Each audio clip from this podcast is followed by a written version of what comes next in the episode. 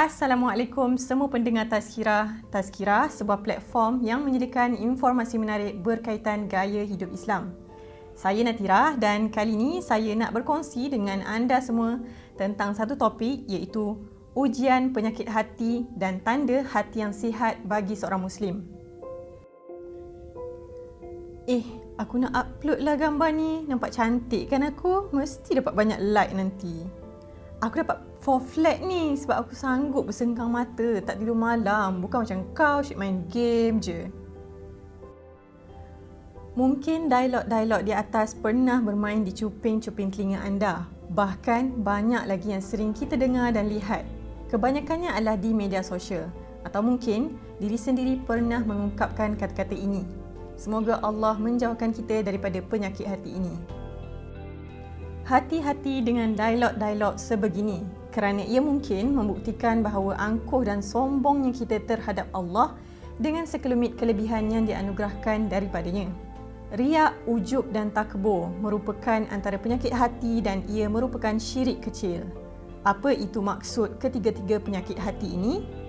Jom kita dalami satu persatu. Yang pertama ialah riak. Menurut Imam Al-Ghazali, riak berada jauh di sudut hati manusia sendiri yang cuba untuk menunjuk-nunjuk hal kebaikan yang dilakukan. Jumhur ulama berpendapat bahawa kebaikan yang dipamerkan adalah untuk tujuan mendapatkan pujian dan dilihat baik oleh orang sekeliling. Allah berfirman dalam surah Al-Baqarah ayat yang ke-264 yang bermaksud Wahai orang-orang yang beriman, Jangan rosakkan pahala amal sedekah kamu dengan perkataan membangkit-bangkit dan kelakuan yang menyakiti. Seperti rosaknya pahala amal sedekah orang yang membelanjakan hartanya kerana hendak menunjuk-nunjuk kepada manusia, yakni riak. Dan ia pula tidak beriman kepada Allah dan hari akhirat.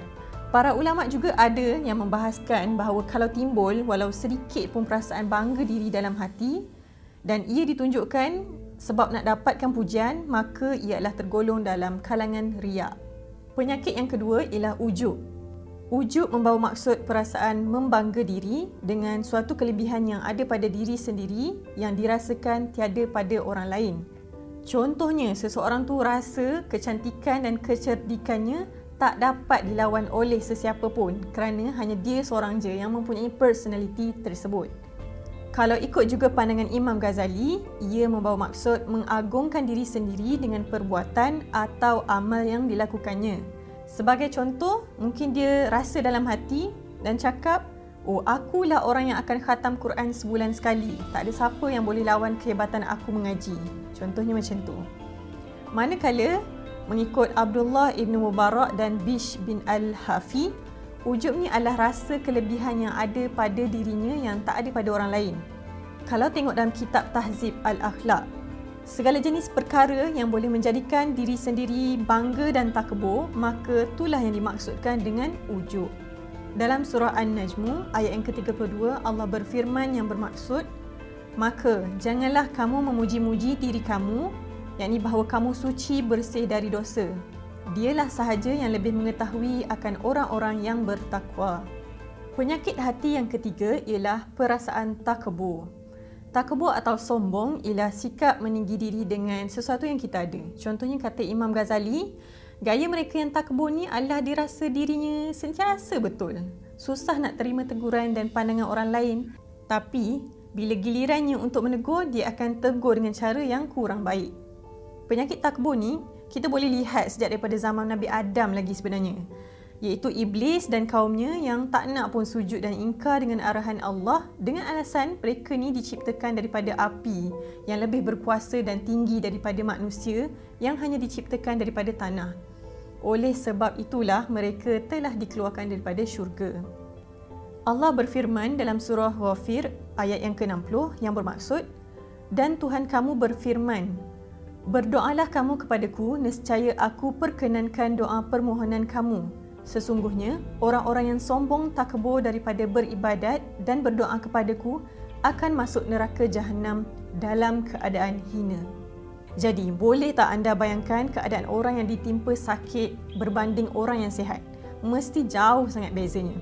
Orang yang ditimpa sakit akan nampak tak bermaya, tak bertenaga untuk buat banyak perkara.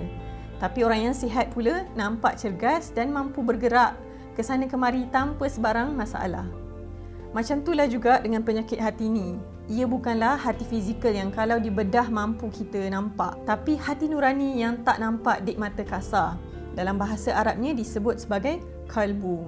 Memang disebutkan dalam Quran bahawa hati ni mampu jadi sihat dan mampu juga jadi sakit. Baiklah sekarang saya nak berkongsi kepada anda tujuh tanda bahawa hati kita dalam keadaan sihat. Yang pertama, kita rasa ringan untuk lakukan kebaikan. Orang yang hatinya hidup akan mudah nak lakukan kebajikan dan kebaikan kepada makhluk-makhluknya yang lain.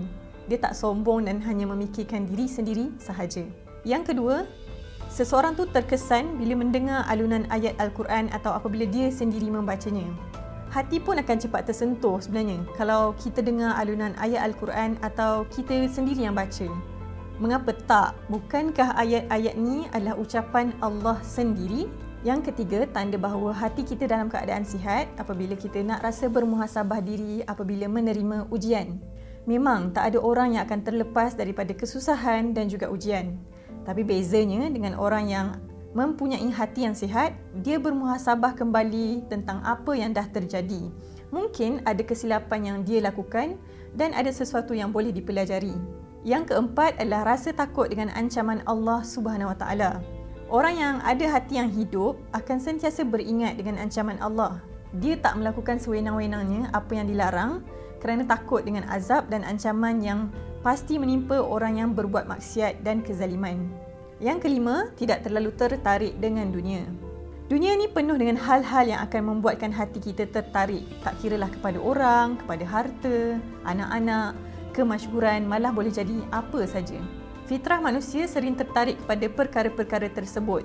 Tapi orang yang mempunyai hati yang sihat, perkara-perkara ni tak melalaikan dia daripada mengutamakan hal-hal yang bermanfaat untuk akhirat. Yang keenam, menjauhkan diri daripada dosa dan kesalahan. Dalam sebuah hadis ada sebutlah tentang orang mukmin yang bijak adalah mereka yang tak termasuk ke dalam lubang yang sama dua kali. Maksudnya dia tak lakukanlah kesalahan yang sama dua kali. Dalam hal ni, dia ni bukanlah seorang yang sempurna daripada dosa, tapi dia ada langkah berjaga-jaga daripada melakukan dosa dan kesalahan yang sama berulang kali. Dan yang terakhir, yang ketujuh, dia mengikut anjuran Allah dan Rasulnya berbanding hawa nafsu sendiri. Nafsu kita sentiasa nakkan hal-hal yang buruk buat diri kita. Yang dilarang tu lah yang kita nak, yang tak elok tu lah yang dicari. Justeru, orang yang hatinya sihat mampu melawan kehendak nafsu dan mengikut perintah Allah dan pesanan Rasul. Iman kita ada naik dan turunnya. Hati yang tak sihat boleh dipulihkan semula dengan taubat dan melakukan amal soleh. Namun, jangan sampai hati benar-benar mati sehingga tak mahu lagi menerima kebenaran, tak nak lagi patuh dan tak kisah jika Allah murka. Semoga kita dijauhkan daripada hati sebegini. Baiklah, sebelum saya mengakhiri episod podcast kita pada kali ini, saya nak tinggalkan kepada anda satu firman Allah melalui surah Al-Hajj ayat yang ke-53 yang bermaksud yang demikian kerana Allah hendak menjadikan hasutan syaitan itu sebagai satu fitnah yakni cubaan bagi orang-orang yang ada penyakit kufur ingkar dalam hati mereka dan yang hatinya keras membatu. Semoga kita dijauhkan daripada hati sebegini. Baiklah, itu sahaja daripada saya kali ini. Untuk dapatkan informasi menarik, boleh ikuti kami di laman Facebook Tazkirah, Instagram dan juga Twitter. Sehingga jumpa lagi. Assalamualaikum.